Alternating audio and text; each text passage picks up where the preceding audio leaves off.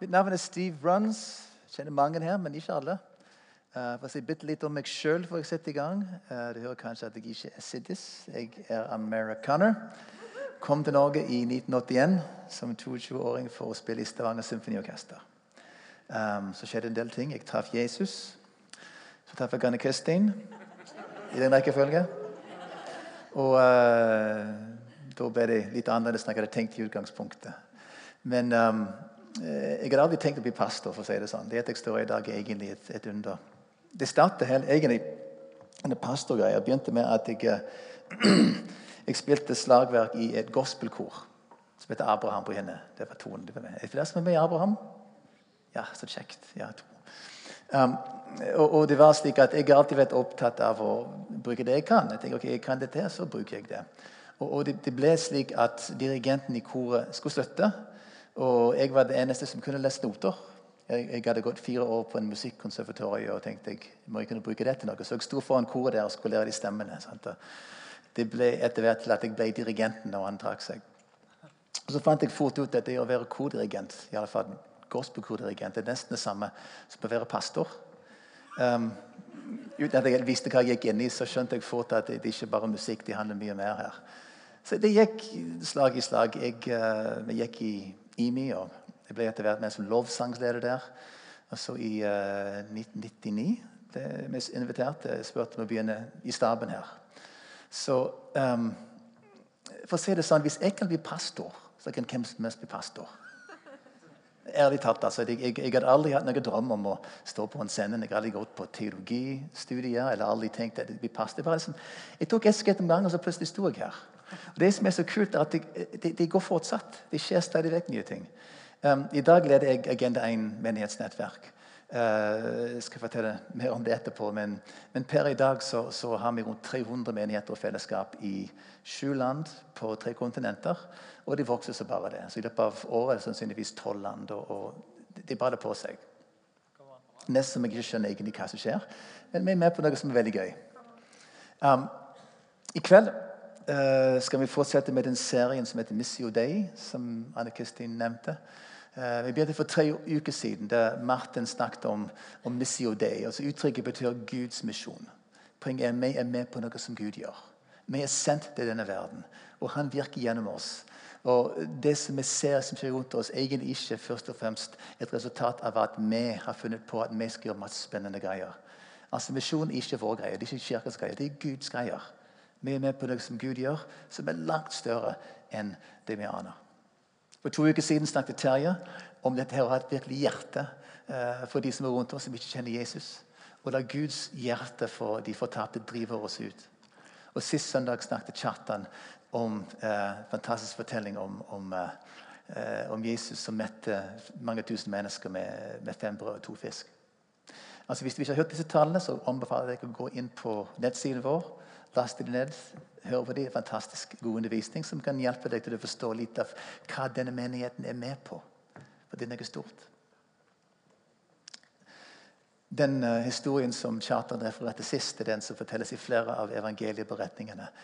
Om Jesus og disiplene som kom til et øde sted der de bare strømmet på masse folk.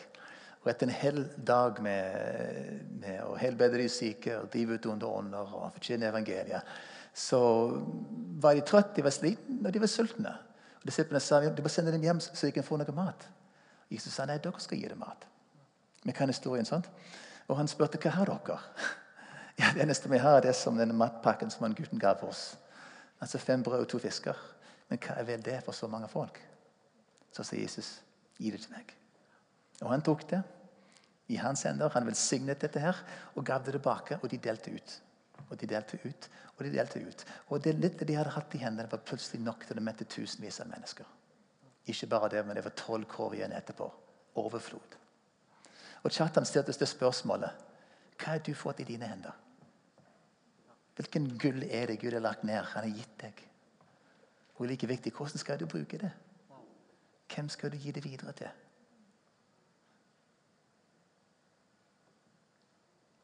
Ja, han, det, han, han, han, lot det ligge der. Men i kveld har jeg lyst til å gå litt mer inn på disse her brødene og fiskene. Veldig mer spesifikke.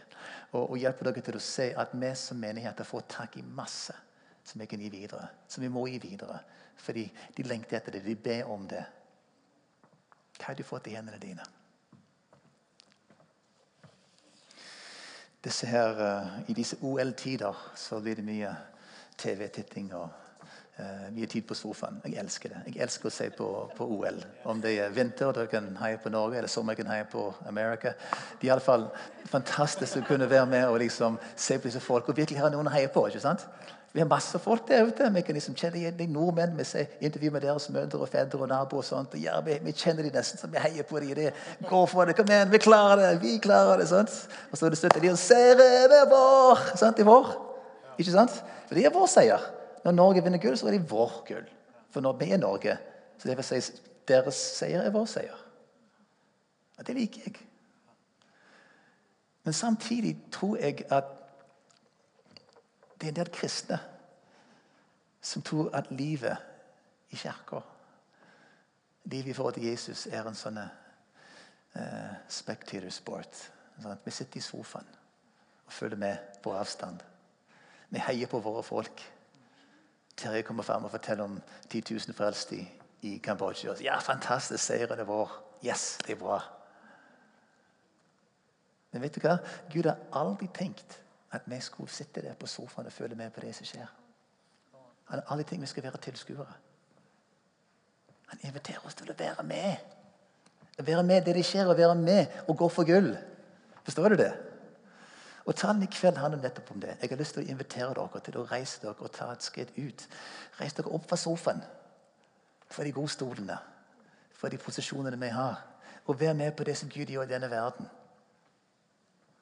Vi tenker så fort at ja, jeg kan ikke gå på ski. og Jeg kan ikke skyte eller hoppe. Det, det, er ekspertene som fikser dette. her. Jeg kan ikke stå og preke for masse folk. Jeg kan ikke helbrede de syke. Det, det, er på en måte de som kan det. Jeg skal heie på dem. Nei, det er feil. Når du er med i denne menigheten, her, så har du fått alt du trenger. Ikke bare fordi du personlig har fått det, men vi som menighet har fått det. Og du er med på laget. Du er med i menigheten. Du har fått noe. Det er ikke det samme som jeg eller Anne Kristin eller Terje eller Martin. Du har fått noe, og du skal bruke det her på dette laget. For Gud har gitt oss noe i denne menigheten her som helt eksepsjonelt. Og Denne menighetens historie det er din historie.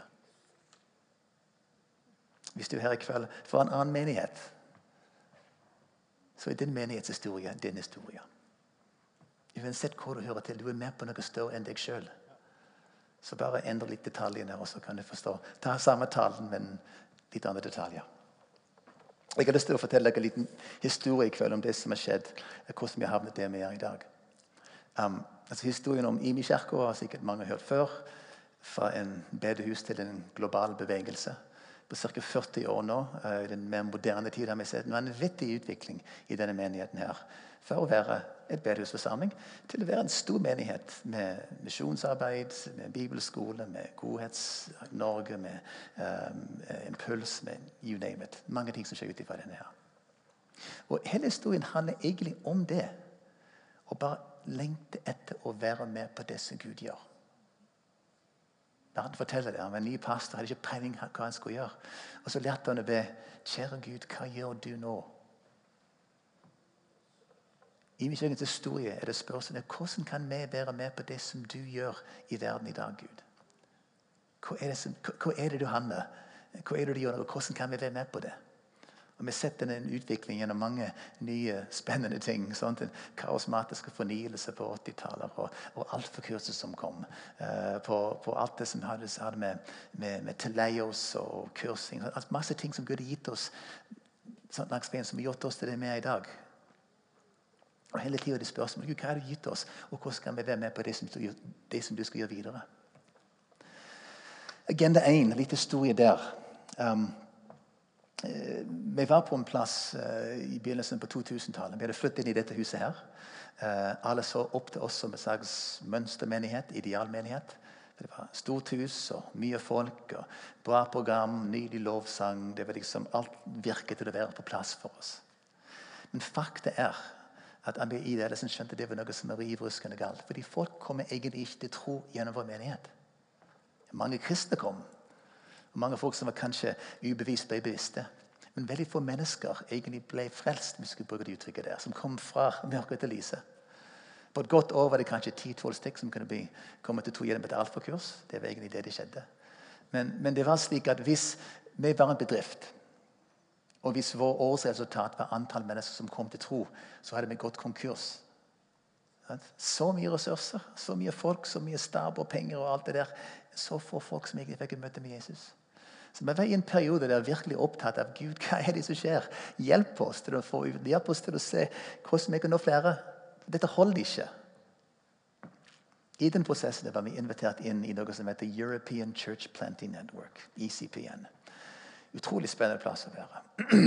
Der møtte vi andre menigheter fra hele Europa bl.a. de som starta alfakurser. og noen misjonsbevegelser fra Sentral-Europa og noen gale karismatikere fra Sveits. Liksom, alle disse forskjellige menigheter som kommer sammen. og Deres felles lengst var dette Gud hjelp oss å nå flere med evangeliet. Hvordan kan vi styre vårt fokus og våre ressurser mer ut, slik at vi kan plante nye fellesskap, nye menigheter, sende for folk ut og, og se at flere kommer til tro? Og Dette var en prosess. Og Det var to viktige ting vi lærte på ICPN hvis jeg summerer det. Det første var egentlig en måte å jobbe sammen på. For vi, vi, vi, Det er et prosessverktøy som heter Learning Community, altså lærerfellesskapet. Der vi kommer sammen to ganger i året med et lederteam fra hver menighet. Der vi fikk noen ideer vi skulle jobbe med, evaluerte, drømte, lagde en handlingsplan. Og så, så kom vi tilbake igjen seks måneder senere for å fortsette prosessen. Så Vi var dratt inn i en prosess som varte over flere år. Der vi fikk lov til å jobbe målrettet, bevisst, lære fra hverandre, lære fra hverandre og se at det skjedde en vekst.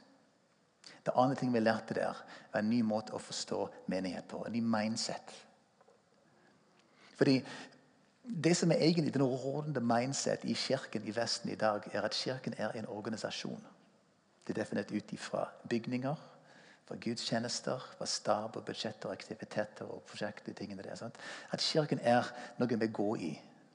Vi visste dette, men vi skjønner at kirken det er mennesker. Det er vårt liv det gjelder. Men vi levde fortsatt med alt, alle, alle meste av våre ressurser gikk inn til dette her og samle folk her i dette huset. Og Vi begynner å snakke om dette her ut ifra misjonsbefalingen. For Jesus sa å gå og gjøre alle folkeslag til disipler. Gud ba oss aldri plante, altså bygge kirkebygninger. Han ba oss gjøre disipler. Og så begynte vi å skjønne at istedenfor å tenke 'kom til oss', kan vi heller tenke gå til dem'. Hvordan kan vi utruste våre folk til å være disipler, til å være bevisste etterfølgere av Jesus? Hvis vårt mål er å få til disipler, så må vi først være disipler. så gjøre flere til disipler. Vi må snu fokus fra samme til oss til å sende dem ut til de andre. Og Det skjedde en prosess der som forandret hele menigheten. Vi snakket masse, vi underviste om det. Jeg husker spesielt en lørdag vi hadde, uh, der vi samlet hele menigheten på en sånn dag der vi skulle snakke om dette. her. Og Den dagen det stilte Martin oss to spørsmål. Det første hvem er du sendt til? Hvem er du sendt til? Det neste hvem er du sendt sammen med? For hvis vi er sendt, må vi vite hvor vi er sendt til. Og Istedenfor å, å få våre folk med på våre aktiviteter og evangeliseringsframstøt, så tenker vi men vi må kunne utruste folk til å, å være det de er. Og leve sitt liv der de er, og dele evangeliet med de som er rundt dem. Og Det skjedde fantastiske ting der. Masse mennesker begynte å tenke ja, men jeg er jo sendt. Jeg brenner for naboene mine eller for folk på, på arbeid. Sant? De andre studentene. Og Det begynte å skje masse ting. Og vi så Folk begynte å komme til tro altså ukenlige. Ikke bare ti ganger i året. Men det var fordi folk levde sitt liv det de var. De var ikke her på gudstjeneste med den inspirerende preken og hånden i været. Nei, det var folk som samlet i hjemmene og hadde alfakurs med naboene. Det var Kari og Børge som inviterte deres nabofamilie å gå på søndagstur. hadde søndagsskole ute i det frie. Det var folk som, eh, En av de som kjøpte buss og kjørte ned til sentrum og begynte å møte mennesker der. Det var folk som trente med, eh, altså samle venner og, og, og var ute trente sammen og spiste kveldsmat og leste bibelvers. Altså Folk begynte å leve sitt liv der ute og se at stadig, stadig flere kom til tro. Så det som skjedde med ICPN, som sagt, vi lærte en måte å jobbe på, men også vi lærte en måte å leve på som menighet. Det handler om dere, ikke om oss og vårt hus. Ser vi det? Det er en del av vårt arv som menighet. Det er derfor fortsatt i dag som fantastisk spennende ting skjer som ikke vi i staben har peiling på engang. Fordi folk lever sitt liv, og det skjer gode ting der ute. Det er det vi ville gjøre. At hvert enkelt skal forstå at de kan leve sitt liv og vise Guds godhet og føre folk til Jesus der de er. Vi tenkte Dette er altfor godt å ha for oss sjøl. Dette må vi dele med flere. Så I 2009 inviterte meg til den første uh, lærerfellesskap her. Samle sju-åtte menigheter forsamlinger. Og begynte å gjøre det sammen med disse folka her, som vi hadde lært i Europa. Komme sammen med lederteam, jobbe bevis på evaluering, nye tanker og, og, og målsettinger og, og, handlingsplan. Og Da begynte vi å gå en prosess med dem og hjelpe dem også å snu fokus utover. Og det vi så, det vokste. Flere fikk tak i dette. her, Flere ville være med, og de holder på å bare balle på seg mer og mer. og mer. Jeg skal vise dere litt, um, litt hva det handler om. Vi bruker mye tavler i Agenda 1. Vi prøver å gi folk veldig enkelte uh, verktøy Uh, bilder og prinsipper som de kan ta oss og anvende det de gjør. Og kanskje det viktigste og enkleste verktøyet vi har, er denne her. Jeg som slagverker i symfoniorkester vet at en trekant kan lage fin lyd. Det er ikke det det går på her. Dette er en trekant som viser våre relasjoner. Vi som skal følge etter Jesus, skal leve i tre relasjoner, akkurat som Jesus levde i. Jesus var hans viktigste relasjon. Det var relasjonen til sin far i himmelen. Og Vi som disipler skal også leve i en relasjon. Det handler om å både ta imot det han gir oss, og gi tilbake. Den neste relasjonen for Jesus var hans relasjon innover til familien, til menigheten, til de andre kristne, de andre som fulgte med. For Han inviterte folk inn til et intimt forhold med han. De visste disse folka her som han, han levde med og, og fikk sin støtte for å utruste. Og leve med menighetsfamilie. Men så var det en relasjon utover. Sant? Til den verden som trengte han så sårt de som var utstøtt, de syke, eh, prostituerte, tollerne og synderne. De som var utenfor det gode selskapet, de gikk Jesus til. Målrettet og bevisst. Han gikk ut på torget, han møtte mennesker der de var. Han helbredet de syke og drev ut under ånder. Han tok med seg familien ut for å, å være til stede i verden. Så Disse tre relasjoner som vi lever både opp, inn og ut, definerer hvem vi er som enkeltmennesker og som menighet. Hvis vi tar et skritt videre, så kan vi snakke om at disse relasjoner handler om det vi gjør. Hvis vi ser oppover Det er en hånd, altså, selv om det ikke ligner sånn. Skjønnfinger, ja.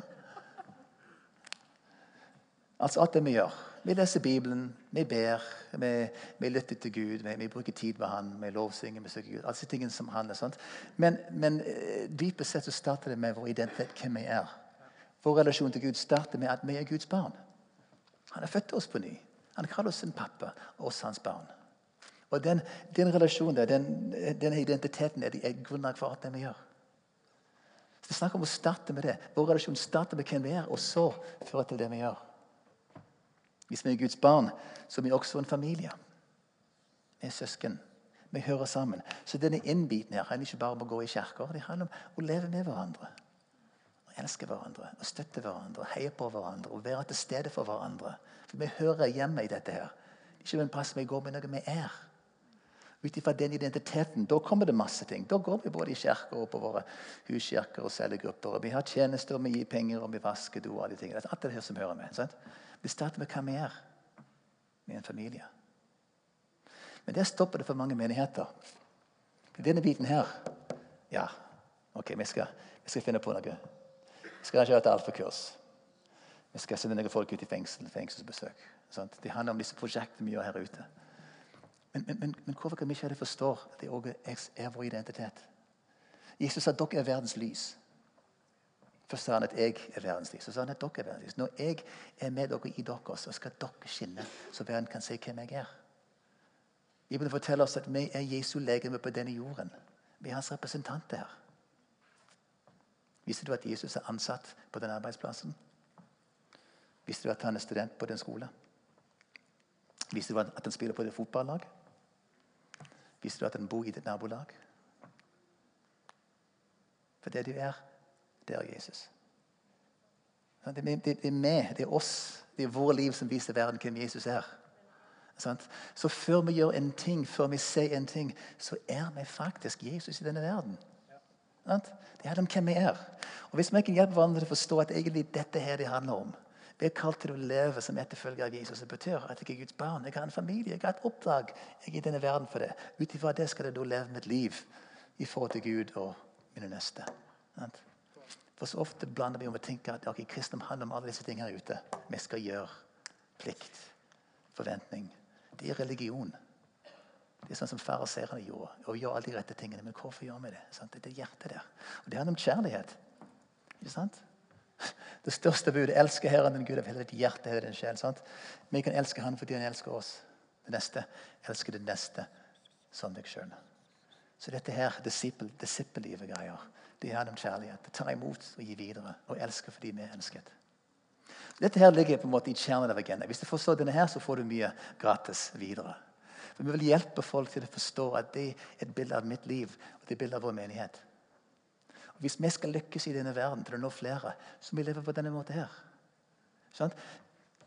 Fokus med det er ut. selvfølgelig, det misjonale, Flere skal bli frelst. Men vi skal ikke bare begynne å lære i evangeliseringstriks. Nei.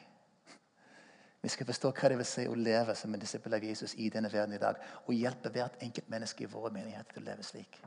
Da ser vi at ting skjer. Og ting skjer. Mannen snakker av og til om den sovende bjørnen. Sant? Alle disse folka som har fått så mye, som kan så mye, men de sitter der og bare De, de later, de, de, de, er ikke, de er ikke dratt inn i livet. De sitter og, og de er tilskuere. Hvordan skal vi hjelpe folk til å leve der ute? Og saken er, denne her er veldig enkelt. Altså Våre ledere i Kambodsja og i Thailand de underviser disse tingene her til folk som ikke kan lese og skrive engang. Og de fatter det. De skjønner det, og de bruker det, og de ser vekst gjennom det. Det er enkelt, men det er også ekstremt radikalt. Fordi dette bryter med den grunnleggende forståelse som Kirken i verden i dag egentlig har av seg sjøl. For Kirken er ikke først og fremst en organisasjon, en struktur, eh, biskoper og poster og ting. Så alt det kom. Hvis vi ser tilbake igjen til det første kirker, de 300 årene fra Jesus døde eh, Kirken eksploderte i vekst. Og Det fantes ikke én kirkebygning. Det fantes ingen teologiske utdanningsinstitutter. Det var ingen biskoper, poster og prester. Nei, det var livet som ble levd folk. Og Etter hvert ble kristendommen en statsreligion. Og jeg, jeg, jeg, takker Gud for det, at vi så milliardervis av mennesker kommer til tro pga. strukturer og kirkesamfunn. Ingenting galt med det. Det jeg, jeg takker Gud for Den norske kirke og hva den har betydd for, eh, for, Norge i dag, for folk, befolkningen her. Men faktum er de strukturene som vi har nå, funker ikke lenger. Kirken i Norge er på rast. Hele Vesten de, de, de, de dør.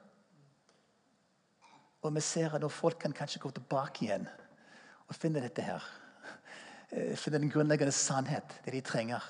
Det er det som kan gi menigheter fornyelse, ny forståelse, nytt liv, ny vekst. Og det er det vi trenger i dag. Og Derfor ser dette formene eksploderer rundt omkring i verden. Og folk skjønner ja, men dette funker. Dette, dette gir oss en retning. Skjønner vi det? Men kan også se dette bildet av deg? i ditt liv det handler om her?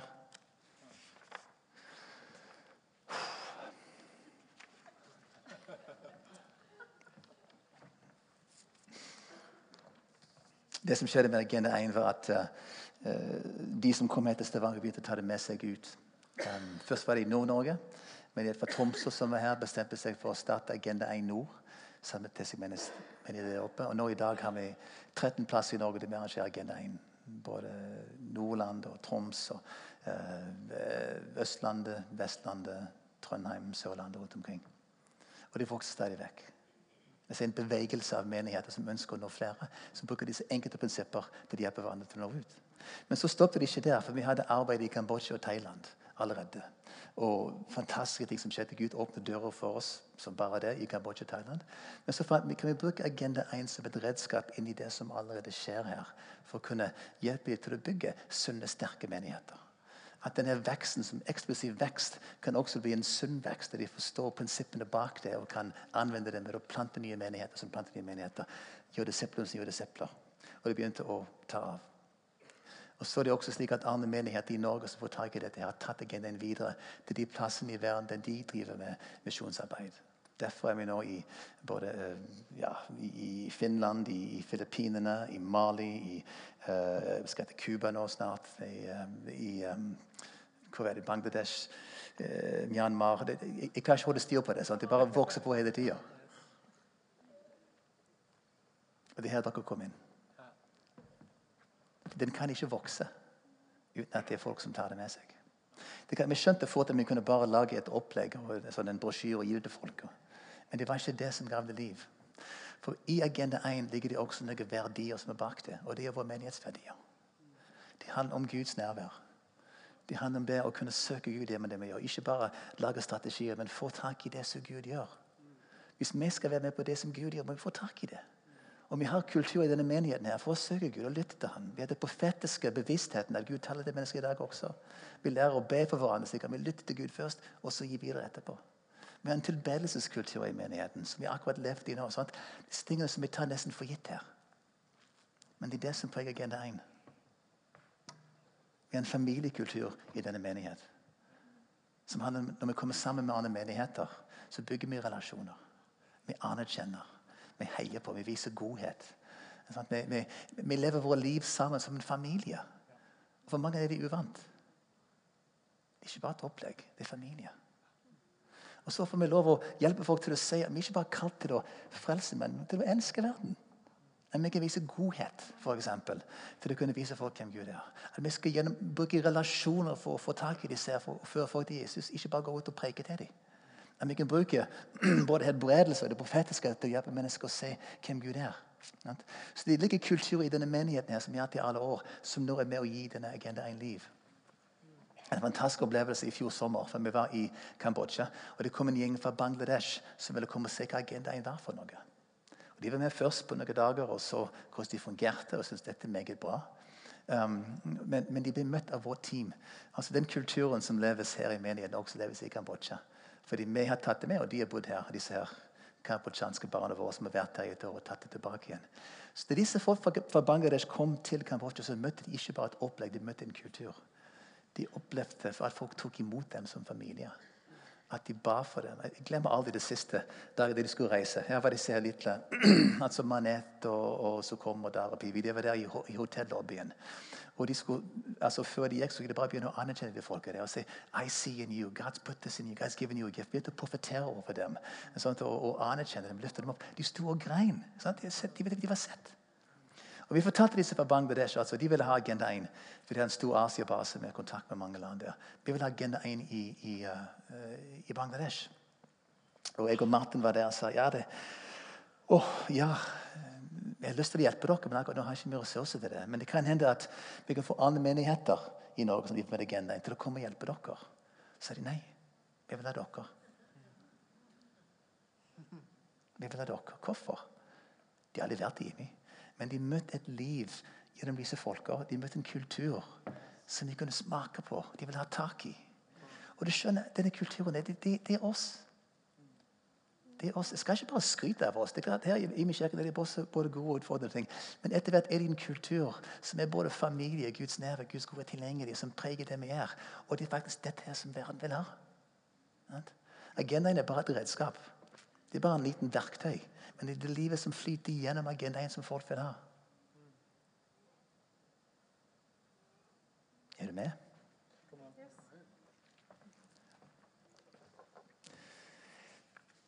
Jeg syns det er litt ironisk at det er jeg som styrer dette arbeidet her. For jeg har aldri eh, tenkt på meg sjøl som en evangelist. Jeg er ikke det heller. Um, I alle år gikk jeg med dårlig samvittighet. For jeg var altfor lite flinke å fortelle om Jesus til andre. Jeg var feige. Jeg eh, tok ikke lendingen når de bydde seg. Jeg uh, følte meg mislykket gang på gang på gang. Og Sammenligner meg selv aldri med de som er flinkere enn meg. Sant? Se på Terje. Han får det til. Han har gutsen, han er der ute. Sant? Arvid Børresen, mann for en evangelist. Sant? Se hvordan folk kommer til tro. Og de og de og det som skjer. Jeg tenkte alltid at jeg får det ikke til. jeg fikk hjelp etter hvert til å skjønne at, at men jeg, jeg, jeg, er ikke skapt som Terje.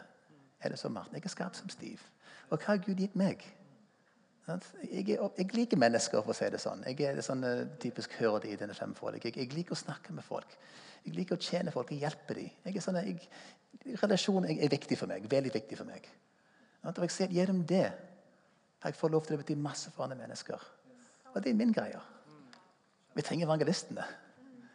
Vi trenger de profetiske folk. Vi trenger folk som, som har spesiell tjeneste i forhold til helbredelser eller til hva de måtte være. Men vi trenger de se sammen, sånn, som et team, som en menighet, som en familie som kan bety noe for folk der ute. Men her står jeg i dag og denne, denne her. Hvorfor kan jeg gjøre det? Altså, Hva er det som kvalifiserer meg til å lede Agenda 1 i dag? Som ikke er teolog, som uh, ikke er evangelist. Altså Det viktigste jeg har, vet du hva det er? Det er menigheten. Det er denne menigheten her som kvalifiserer meg til å reise rundt i verden og, og, og, lede, og trene opp og støtte tusenvis av ledere. Sist søndag snakket Kjartan om brød og fisk. Hva er mine brød? Altså, Jeg har et brød som heter godhet. Jeg har lært gjennom mange år hvordan jeg kan, jeg kan vise godhet til mennesker. At de kan se Jesus gjennom mitt liv når jeg vasker biler, eller maler hus eller klippe hekker. Sånn jeg har drukket litevis av kaffe med gamle damer. jeg har lekt med ungene til enslige mødre. Jeg har, uh, har, snakket masse på engelsk med, med enslige asylsøkere. Så jeg har brukt masse tid og sett at det nytter. Og Det har jeg lært gjennom menigheten. her. Ikke meg, men oss. Sant? At godhet er en fantastisk redskap for å kunne vise hvem Gud er. Er det flere som har sånn, sånn et, um, sånne brød? Godhetsbrød? Er det noen som har godhetsbrød? Noen som kan godhet? Ja, har lært det? Har brukt det, ja? Kanskje? Jeg kan et annet brød her. Um, jeg har faktisk litt å vært her. Uh, dette, her, dette er etter Huskirken. Jeg har forstått etter noen år i min kirke at det handler egentlig ikke om meg, det handler om oss. Og Det handler om det livet som leves i hjemmene, over et måltid. Vi kan dele liv med hverandre og være ærlige med hverandre. Og både dele seirene og feire de, og utfordringene og, og, og, kjempe sammen. Jeg har lært at jeg trenger brødre og søstre, jeg trenger familie rundt meg. Sånn at det er egentlig der livet leves. Og når jeg er sammen med de, så har jeg noe mye mer enn jeg har sjøl. Dette kan jeg selvfølgelig dele med andre også. og fortelle mine erfaringer, Hjelpe dem til å se at menigheten handler ikke bare om Guds tjeneste. De handler om livet som leves hver dag, også i hjemmene. Er det flere som har et sånt brød? Noen som har vært med i huskirke? Ja. Mange som har den? Stemmer det. Jeg har en fisk her.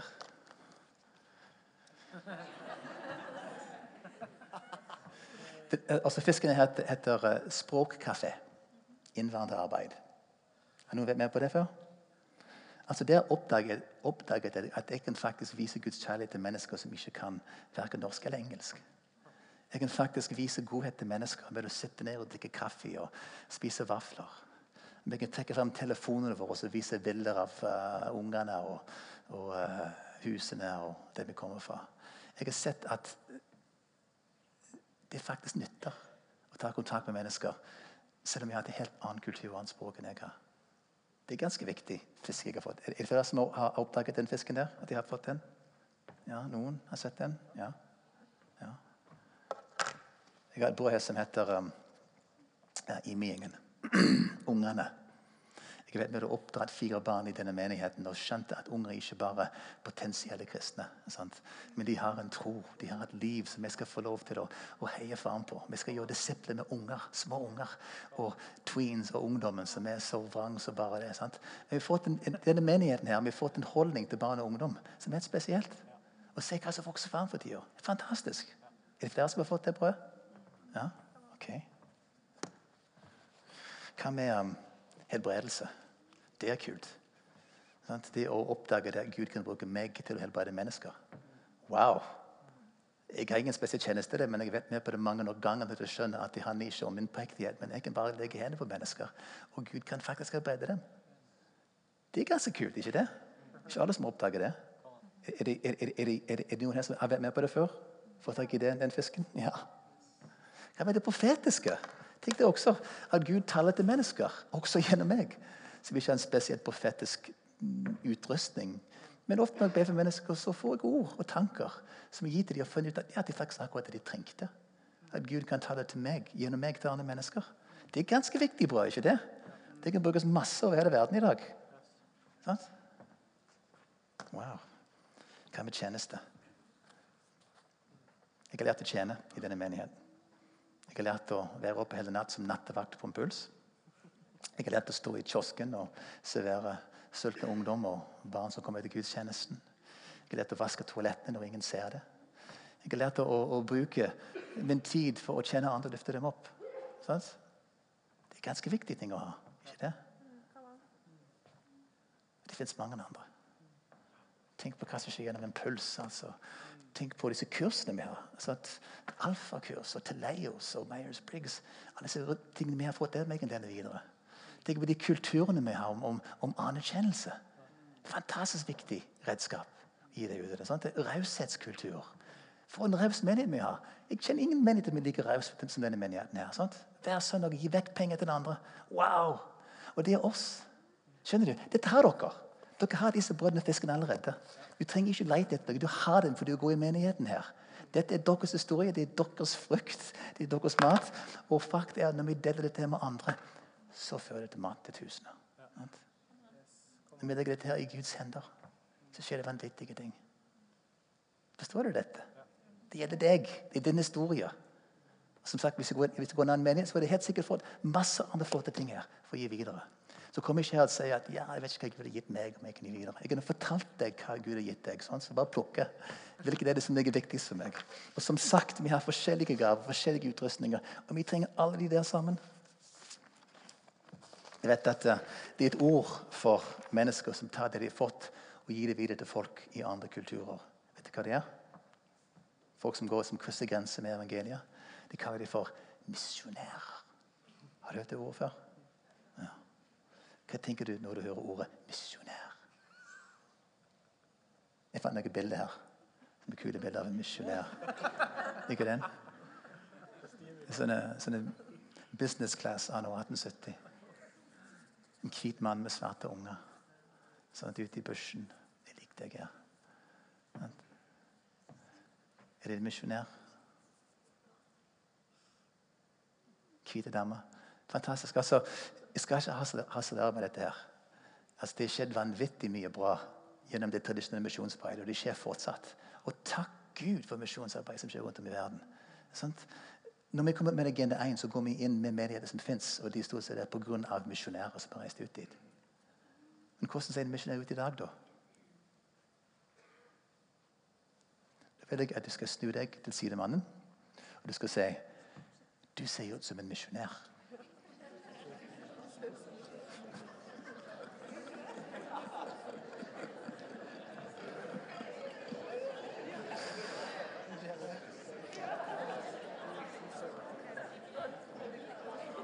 Og så en businesskort der.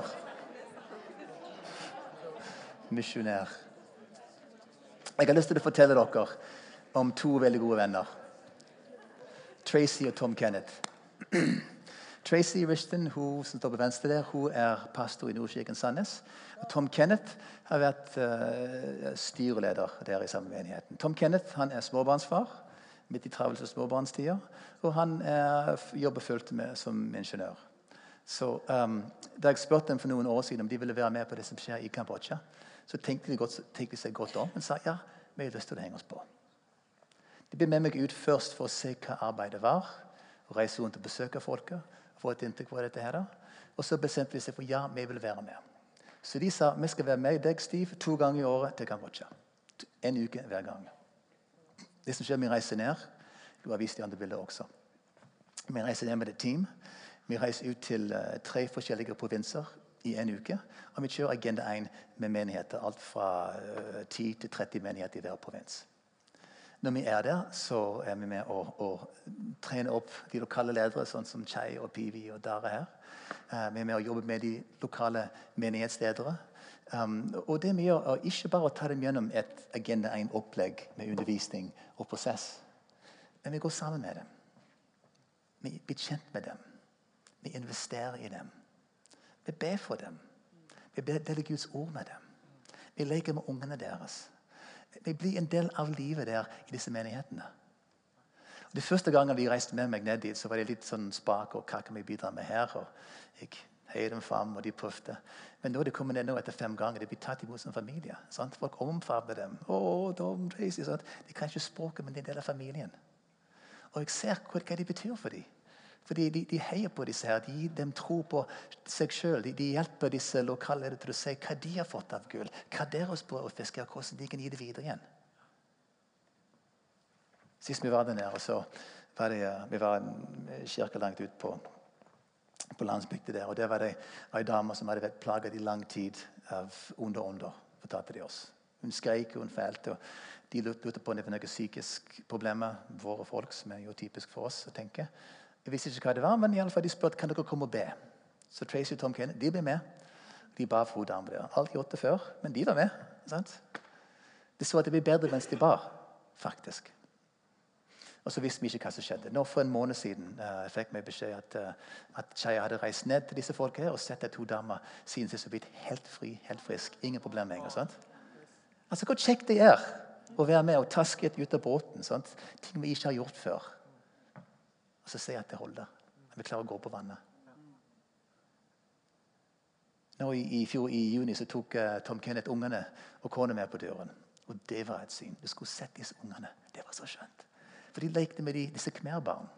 De, de, de, snakket sammen, de hadde sine leker framme der. og sånn Spant på tomme flasker og, og, fant på ting. og De lo og de sprang. og De hadde det kjempegøy. Jeg tenkte, Disse vanlige misjonærer de også.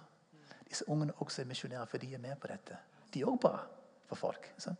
De òg delte ting. De lagde tegninger. Sant? Det som Gud har gitt dem tegninger for de andre. Fantastisk. skjønt. Jeg vet ikke hvor du er. Hva kaller Gud deg til å være med på? Men poenget er at du har like mye som både Tracy og Tom Kenneth. Gud har kalt oss til å ta det han hit til oss og gi det videre. Både hjemme, i nabolaget, på skolen, på arbeidsplassen.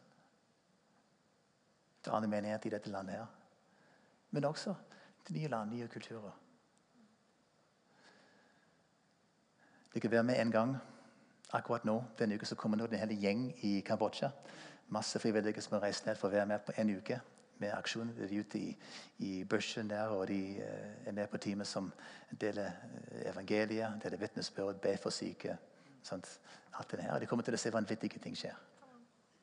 Nå i sommer er det siste uke så informerte meg om en, en sånn eh, typisk um, en sånn reiselivstur til Thailand for å kunne være med, kombinere ferie med å se det arbeidet som skjer ut fra Muktahan, både med, i Thailand og i Laos. Så det kan hende du har lyst til å henge det på sånn som Tom Kenneth og Tracy gjør. Tracy gjør. Bestemme seg for ok, jeg skal være med to ganger i året nå en periode og reise ned for å hjelpe disse folka. Og sikkert jeg kan bidra med det. Kanskje det var Karlsson som Eivind har.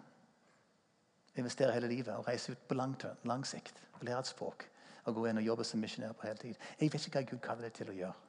Men poenget er du får ikke lov til å si 'jeg har ingenting å gi videre'. For det er feil. Det er løgn. Du har mer enn nok å gi videre. Spørsmålet er hvem skal du gi det videre til? Akkurat nå har vi behov faktisk for denne haug med kulturbærere. For Når vi reiser ned med Agenda 1 til nye land og kulturer, tenker vi folk som bærer med disse kulturene fra IMI. Som kommer og være med på et team. Vi trenger folk som har eh, profeteskaper.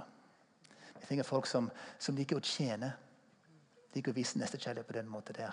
Vi trenger folk som er opptatt av unger og ungdommene. Vi trenger folk som, som kan undervise. Vi trenger folk som kan evangelisere. Vi trenger masse forskjellige gaver til å kunne være med i disse teamene som vi skal være med og bære ut til de folka der. Og mens noen underviser, la det begynne en prosess, skal andre bare være med i familien og bygge relasjoner. For det gir dem de relasjonene der vi kan se at livet spres og gis videre. Og jeg har ikke peiling i løpet av de neste årene. Jeg kan godt ha behov for 100-150-200 mennesker såpass, sant? som kan reise ned og være med på team regelmessig. Så Gud får deg i dag å tenke på dette. Er det noe for meg? Har Gud fått meg til dette? Etter påske skal vi starte opp med en eh, misjonsskole over fem kvelder. Og På disse kveldene her skal vi ta folk som kanskje, kanskje ikke finner ut mer om dette her, som kan være med på et, et kurs, en liten skole, der de får det på bevisst på hvilken kultur vi har hatt, og hvordan vi kan gi dem videre. Hvordan vi kan lære folk å be for syke, hvordan vi kan lære folk å lytte til Gud. Uh, og så hjelper folk å vite hvordan kan jeg, jeg på en god måte krysse disse kulturbarrierene. og Møte mennesker fra andre kulturer med respekt. Kan jeg bygge relasjoner med dem. Etter vinterferie så kommer det en påmelding, så følg med på det. Men um, det kan hende allerede nå så tenker du det er noe som skjer her. Det koster noe. Det gjør det. Det er ikke sikkert alle har råd til det heller. Men det kan hende at en, en huskirke kan velge å sende en person og støtte dem økonomisk. Det er kanskje familie vil være med og bidra til noe. Kan hende vi kan få en jobb for å tjene penger til å reise ut. Jeg vet ikke hvordan det skal skje. Men hele mitt poeng i kveld er at du har fått noe på hendene dine. Du har fått gull. Du har fått brød og fisk. At ikke bare får med til deg. Når vi legger det i Guds hender, kan det bli til mat, bli til mat for tusener. Skal vi reise oss?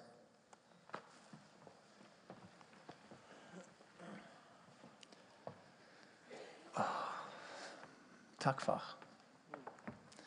Vi skjønner ikke hva som skjer. Vi må forstå at vi er med på noe mye større enn oss sjøl. At du holder på med noe, og du inviterer oss til å være med på det som du gjør. Både her i denne byen, og i dette landet og til verdens ende. Kan du bare be du skal vise oss nå hva du har tenkt deg. Du skal la oss få se uh, hvor du vil at vi skal dele det vi har fått, videre med andre.